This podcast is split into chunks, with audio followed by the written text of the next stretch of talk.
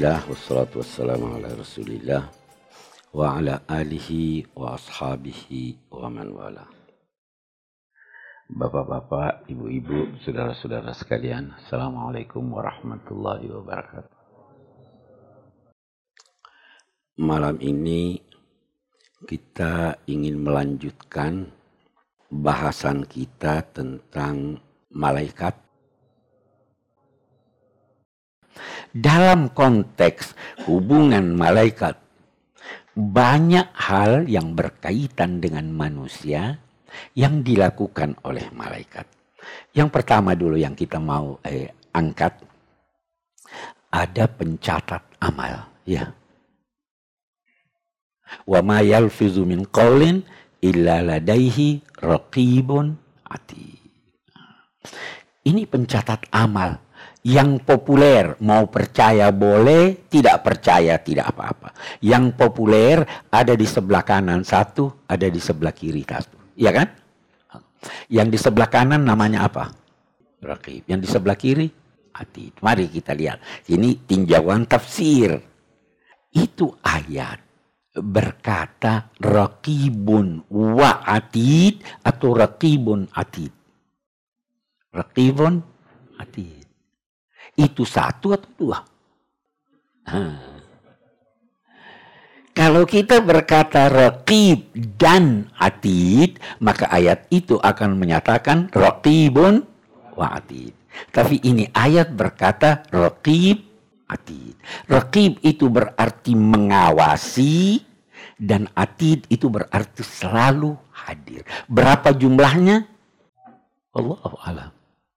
Jadi saya eh, terus terang tidak tahu dari mana sumbernya itu ketika eh, ada yang berkata tetapi bahwa ada yang mencatat amal-amal setiap orang itu ada dia selalu hadir.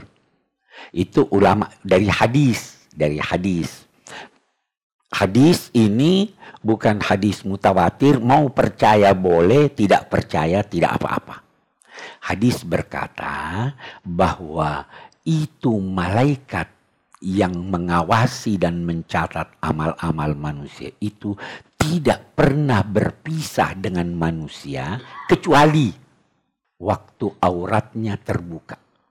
Jadi waktu dia hubungan seks tidak, waktu dia masuk kamar mandi dia tidak. Malu itu malaikat. Itu dulu ada riwayat lain lagi di hadis itu waktu Nabi Shallallahu Alaihi Wasallam pertama kali dapat wahyu. Itu kan beliau ragu kembali pada Khadijah dihibur oleh Khadijah. Salah satu yang diucapkan oleh Khadijah, Hai Muhammad, kalau kamu lihat itu malaikat, beritahu saya. Nah katanya satu waktu Nabi lihat, oh ini ini dia datang, ini dia datang. Terus eh, Sayyidah Khadijah buka auratnya. Dia tanya, kamu masih lihat dia atau tidak? Dia bilang, dia enggak ada. Ah itu malaikat. Kalau setan pasti dia senang. itu, itu, ya kan? Jadi dia tidak senang melihat itu. Itu juga ulama-ulama kita berkata orang-orang yang sering senang membuka auratnya itu pasti tidak didukung oleh malaikat. Iya kan? Oke, kita Ada lagi dalam hubungan dengan manusia pencatat amal ini tadi, Rakib dan Atid. Eh, menarik bahwa karena tugasnya mengawasi, ah ini pengawasan ini juga mestinya pengawasan itu tidak mencari-cari kesalahan. Pengawasan itu tidak mencari kesalahan. Kalau perlu dia luruskan. Ada ada sementara sekarang orang berkata yang mengawasi lalu lintas itu sering cari-cari. Ya. Itu bukan pengawas itu. Itu sebabnya. Nah, kita lihat malaikat rekib atid ini belum mencatat kalau Anda berniat buruk. Belum mencatat. Niat buruk, dia tidak catat. Kalau niat baik, dia catat. Karena dia tidak bermaksud mencari kesalahan. Jadi jangan khawatir sama dia. Oke. Okay. Eh, eh. Itu yang pertama kita catat hubungan manusia dengan malaikat. Jadi Anda harus percaya bahwa ada malaikat yang mencatat amal-amal Anda. Apa dia di pundak Anda atau di ini bukan persoalan. Soal percaya kan? Tidak ada menyatakan bahwa di sebelah kiri dan kanan itu penafsiran. Oke. Ada lagi malaikat yang tugasnya memelihara Anda. Allahu Akbar. Ini baik ini malaikat dia pelihara Anda. Dari mana itu difahami bahwa ada malaikat memelihara? Allah berfirman, "In kullu nafsin lamma 'alaiha hafiz." Ada satu orang dia baru belajar setir mobil dia tidak mengerti begitu jalan di otoban. Cerita ini di Jerman. Jalan di kan itu jalannya begitu eh, mulus sama segala. Tiba-tiba dia harus berhenti. Dia masuk ke kanan, mestinya dia tabrak pohon. Mestinya. Tetapi bagaimana bisa sehingga dia tidak tabrak pohon? Atau kalau mau contoh yang lebih ini, anak kecil di pesawat, jatuh pesawatnya, dia tidak apa-apa. Siapa ini yang ini? In kullu nafsin lamma alaiha hafiz. Allah punya rencana menyangkut setiap orang. Kalau rencana Allah itu bisa dibelokkan oleh apa dan siapa pun, maka Allah men, yang menugaskan malaikat ini melari, eh jangan ke sana, lewat sini, jangan ke sana, lewat sini. Kalau Nabi Shallallahu Alaihi Wasallam itu yang memelihara beliau, memelihara beliau bukan hanya dalam eh, keamanan hidupnya, tetapi juga dalam langkah-langkahnya. Itu sebabnya waktu kecil Nabi kepingin sebagai manusia, saya ingin lihat itu keramaian. Pergilah, dia beritahu temannya itu di hadisnya, hadisnya sahih. Eh, kamu jaga dulu kambing ini ya, karena Nabi memelihara kambing waktu kecil, anu mengembala, jaga dulu ya, ada keramaian di kota, saya mau pergi lihat. Oke deh, pergilah. Begitu sampai di tempat keramaian tertidur Nabi. Bangun pagi-pagi sudah matahari. Itu Hafiz memelihara. Itu kalau Nabi, kita tidak sampai ke sana. Kita dipelihara itu in kullu nafsin lamma 'alaiha hafiz. Itu itu malaikat yang disuruh sujud dulu. Kamu harus kenal ini manusia nih. Ada malaikat yang mengukuhkan hati manusia. Nah, saya beri contoh. Ini kita semua pernah alami ini. Saya yakin sebagai manusia, ada sesuatu di hadapan kita. Ini barang bukan milik saya. Di dalam hati saya sebagai manusia ada keinginan untuk mengambilnya. Ada juga larangan jangan ambil. Iya. Kalau ada yang berbisik pada Anda, jangan ambil, maka itu malaikat yang memelihara Anda. Kalau ada yang berbisik berkata, ambil, itu setan yang bersama Anda. Terkadang kita ingin melakukan sesuatu, lantas takut. Ya? Tiba-tiba ada di dalam hati dorongan, jangan takut, kan Tuhan bersama kamu. Itu melalui malaikat Allah mengukuhkan hati. Itu eh, itu ada ayat itu tadi sabitillahu ladina amanu bil qawli tsabiti fil hayati dunya wa fil akhirah. Ya begitu ayatnya ya. Oke. Allah mengukuhkan hati orang-orang yang beriman dalam kehidupan dunianya dan menjelang kehidupan akhiratnya. Itu katanya begini. Itu orang kalau mau mati, sering kali setan datang kepada orang yang mau mati. Tidak usah sebut syahadah. Boleh jadi setan datang menampakkan dirinya dengan sosok orang tuanya. Ini yang paling mengkhawatirkan nih. Udah, ndak usah baca syahadat, ndak usah baca ini. Orang yang terbiasa dalam kebaikan, datang malaikat mengukuhkan dia. Itu. Bisabbitillahu ladina amanu bil thabit fil hayatid dunya fil akhirat. Orang yang biasa eh, eh, innal ladina qalu rabbuna Allah thumma istaqamu tatanazzalu alaihimul malaika alla takhafu wa la tahzanu wa abshiru bil jannat. Itu itu kerja malaikat dengan kita. Dia mengukuhkan kita. Bahkan di Quran dinyatakan bahwa waktu perang Badar turun malaikat-malaikat ada ulama berkata bahwa itu turun untuk mengukuhkan hati orang yang beriman. 313 lawan 1000. Jadi malaikat ini mengukuhkan. Bahkan ada yang berkata malaikat ikut berperang. Jadi itu kerja malaikat. Nah, saya mau berhenti dulu sedikit di sini eh, sebelum lanjut. Kira-kira ada untungnya Anda percaya malaikat atau tidak? Hah? Anda percaya ada yang membantu Anda. Ini ini ini yang agama inginkan. Percaya ada malaikat. Ada yang catat saya. Eh, saya tidak mau kerja buruk nih. Saya sendirian. Eh, ada malaikat. Itu, itu untungnya.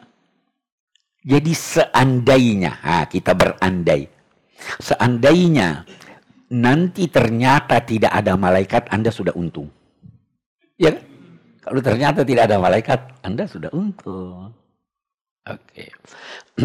Apalagi, malaikat juga beristighfar, mohonkan ampun. Itu kan, Inna Allah wa malaikatahu yusalluna ala nabi.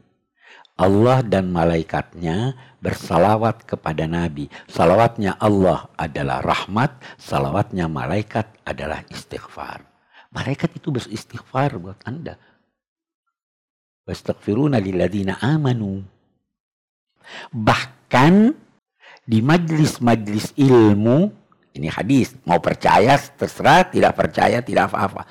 Malaikat hadir itu yang memberikan kepada Anda ketenangan untuk memahami uraian. Bahkan itu di dalam hadis dikatakan tadau ajnihataha dia me menghamparkan sayapnya untuk Anda duduki.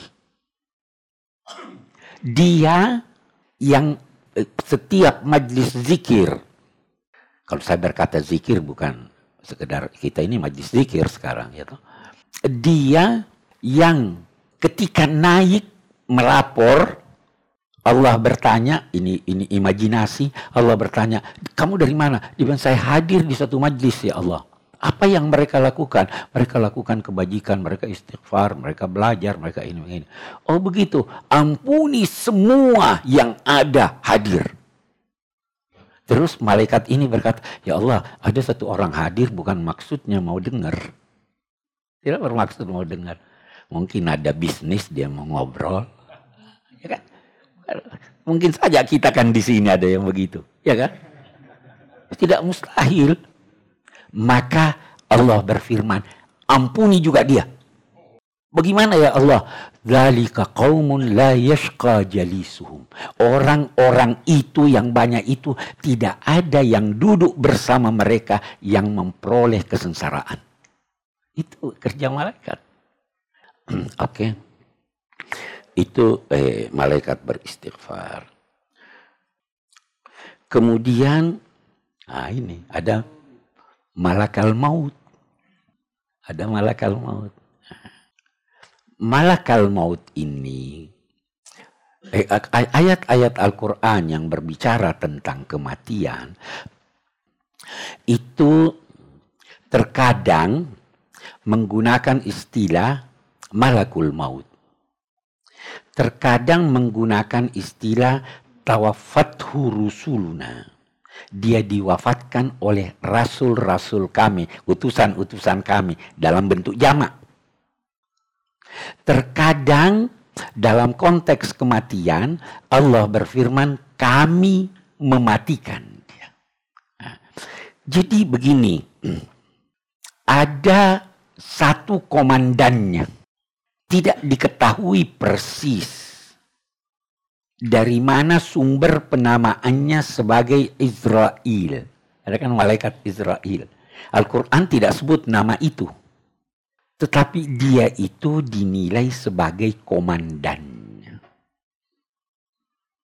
Kemudian ada pembantu-pembantunya. Itu sebabnya ayat lain berkata dia diwafatkan oleh eh, malaikat-malaikat kami dalam bentuk jamak dia seorang diwafatkan oleh malaikat. Maka jadi banyak. Di sisi lain, Allah yang mewafatkan. Nah, jadi setelah dihimpun ini semua, kita bisa berkata bahwa dia bekerja atas perintah Allah. Ada komandannya yang diberi tugas dan komandan ini membagi tugas itu kepada anak buahnya. Itu malakal maut. Itu ada yang berhubungan dengan kita. Malakal maut ini ada yang mencabut ruh dengan nazak, ada yang mencabut ruh dengan diules-ules. Saya terus terang, uh, akhirnya saya putuskan tidak menulis. Saya mau cerita sedikit. Saya sewaktu di di Medina, saya sampai pada tulisan di buku sirah saya tentang wafatnya Nabi. Saya menemukan hadis-hadis menyatakan bahwa Nabi mengalami sakratil maut. Saya tuh berhenti lama di situ. Apa betul tuh Nabi mengalami sakratil maut? Uh, Nabi berdoa, ya Allah, selamatkan saya dari sakratil maut. Tidak mungkin Nabi kena sakratil maut. Tidak mungkin tidak diterima doa Nabi. Tapi hadis-hadis itu berbicara tentang sakratil maut. Bahkan di hadis Bukhari. Nabi sebelum wafat beberapa saat itu berkata, Aduhai sakitnya sakratil maut. Uh, saya bagaimana ya mau tulis itu bahwa saya ragu, saya takut-takut juga. Tetapi terlalu banyak ayat Al-Quran yang berbicara tentang saat-saat kematian. Malaikat ada dikatakan wan nazi'ati naz'a, ada wan nasyitati ada yang diulas-ulas. Sekian banyak ayat yang menggambarkan kematian sakratil maut itu untuk orang yang durhaka. Wajahat sakratil maut bil haq dzalika ma kunta minhu tahid. Datang sakratil maut dengan benar, itulah yang dulu kamu tidak percaya. Nabi kan percaya ada sakratil maut. Jadi sebenarnya itu lebih banyak ditujukan kepada orang-orang. Kalau Nabi tatanazzalu, kita aja bisa tatanazzalu alaihimul malaikatu Allah takhafu. Apa ada sakratil maut? Itu saya merenung lama. Akhirnya saya katakan, saya nggak usah tulis, saya simpan aja di dalam hati. Tapi saya tidak, saya tidak bisa menduga bahwa Nabi sakit, bahwa Nabi demam luar biasa sebelum wafatnya itu Jangan jadikan itu sebagai sakratil maut. Karena sakratil maut itu sesuatu yang kita tidak bisa bayangkan. Kita kita lihatlah sakratil mautnya orang-orang kafir apa itu? Uh, uh, tunggu tunggu tunggu. Walau tara iz yatawaffa alladziina kafarul malaikatu yadribuna wujuhahum wa adbarahum. Kalau kamu lihat ketika malaikat mencabut nyawa orang-orang kafir, mereka itu menampar wajahnya dan menendang belakangnya. Kita tidak lihat ada orang-orang kafir yang kita lihat tenang kematiannya. Apa dia tidak mengalami sakratil maut? Kalau ada orang kita lihat tenang dalam kematiannya, belum tentu dia tidak mengalami sakratil maut. Sebaliknya, kalau ada orang yang kita lihat menderita penyakit yang begitu keras. Eh, katakanlah kanker sampai teriak-teriak. Itu belum tentu dia waktu dicabut rohnya. Tetapi betapapun harus percaya bahwa ada malaikat pencabut roh dan harus percaya bahwa ada yang dinamai sakratil maut paling tidak untuk orang-orang yang tidak taat kepada Allah. Uh, ada beberapa yang disebut di dalam Al-Quran tentang eh, nama-nama malaikat itu. Disebut tentang Jibril, itu pembawa wahyu Al-Quran.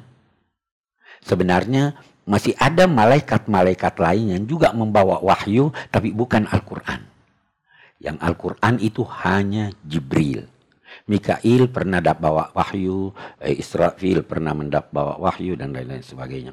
Kemudian ada yang eh, eh, disebut dalam Al-Qur'an Malik itu penjaga neraka itu itu jelas di dalam tetapi saya tidak kita tidak menemukan nama penjaga sorga. Itu kita temukan dalam riwayat-riwayat katanya namanya Ridwan. Tapi tidak ada di dalam eh, Al-Quran. Jadi Jibril, Mikail, itu Malik itu yang disebut dalam Al-Quran. Selain itu Israel, Israfil, peniup ini, itu semua yang harus dipercaya wujudnya. Uh, saya kira itu ya yang berkaitan dengan eh, kepercayaan pada malaikat. Uh, dia wujud, dia mendukung Anda. Semakin baik Anda, semakin uh, datang dia mendukung. Semakin, semakin baik Anda, itu kan ada dikatakan bahwa itu di Lailatul Qadar itu. Ya, tanazzalul malaikatu warruhu fiha selalu datang mendukung, mendukung untuk berbuat kebaikan dan semakin dekat Anda pada malaikat, semakin jauh setan dari Anda, semakin dekat Anda pada setan, semakin jauh malaikat dari Anda.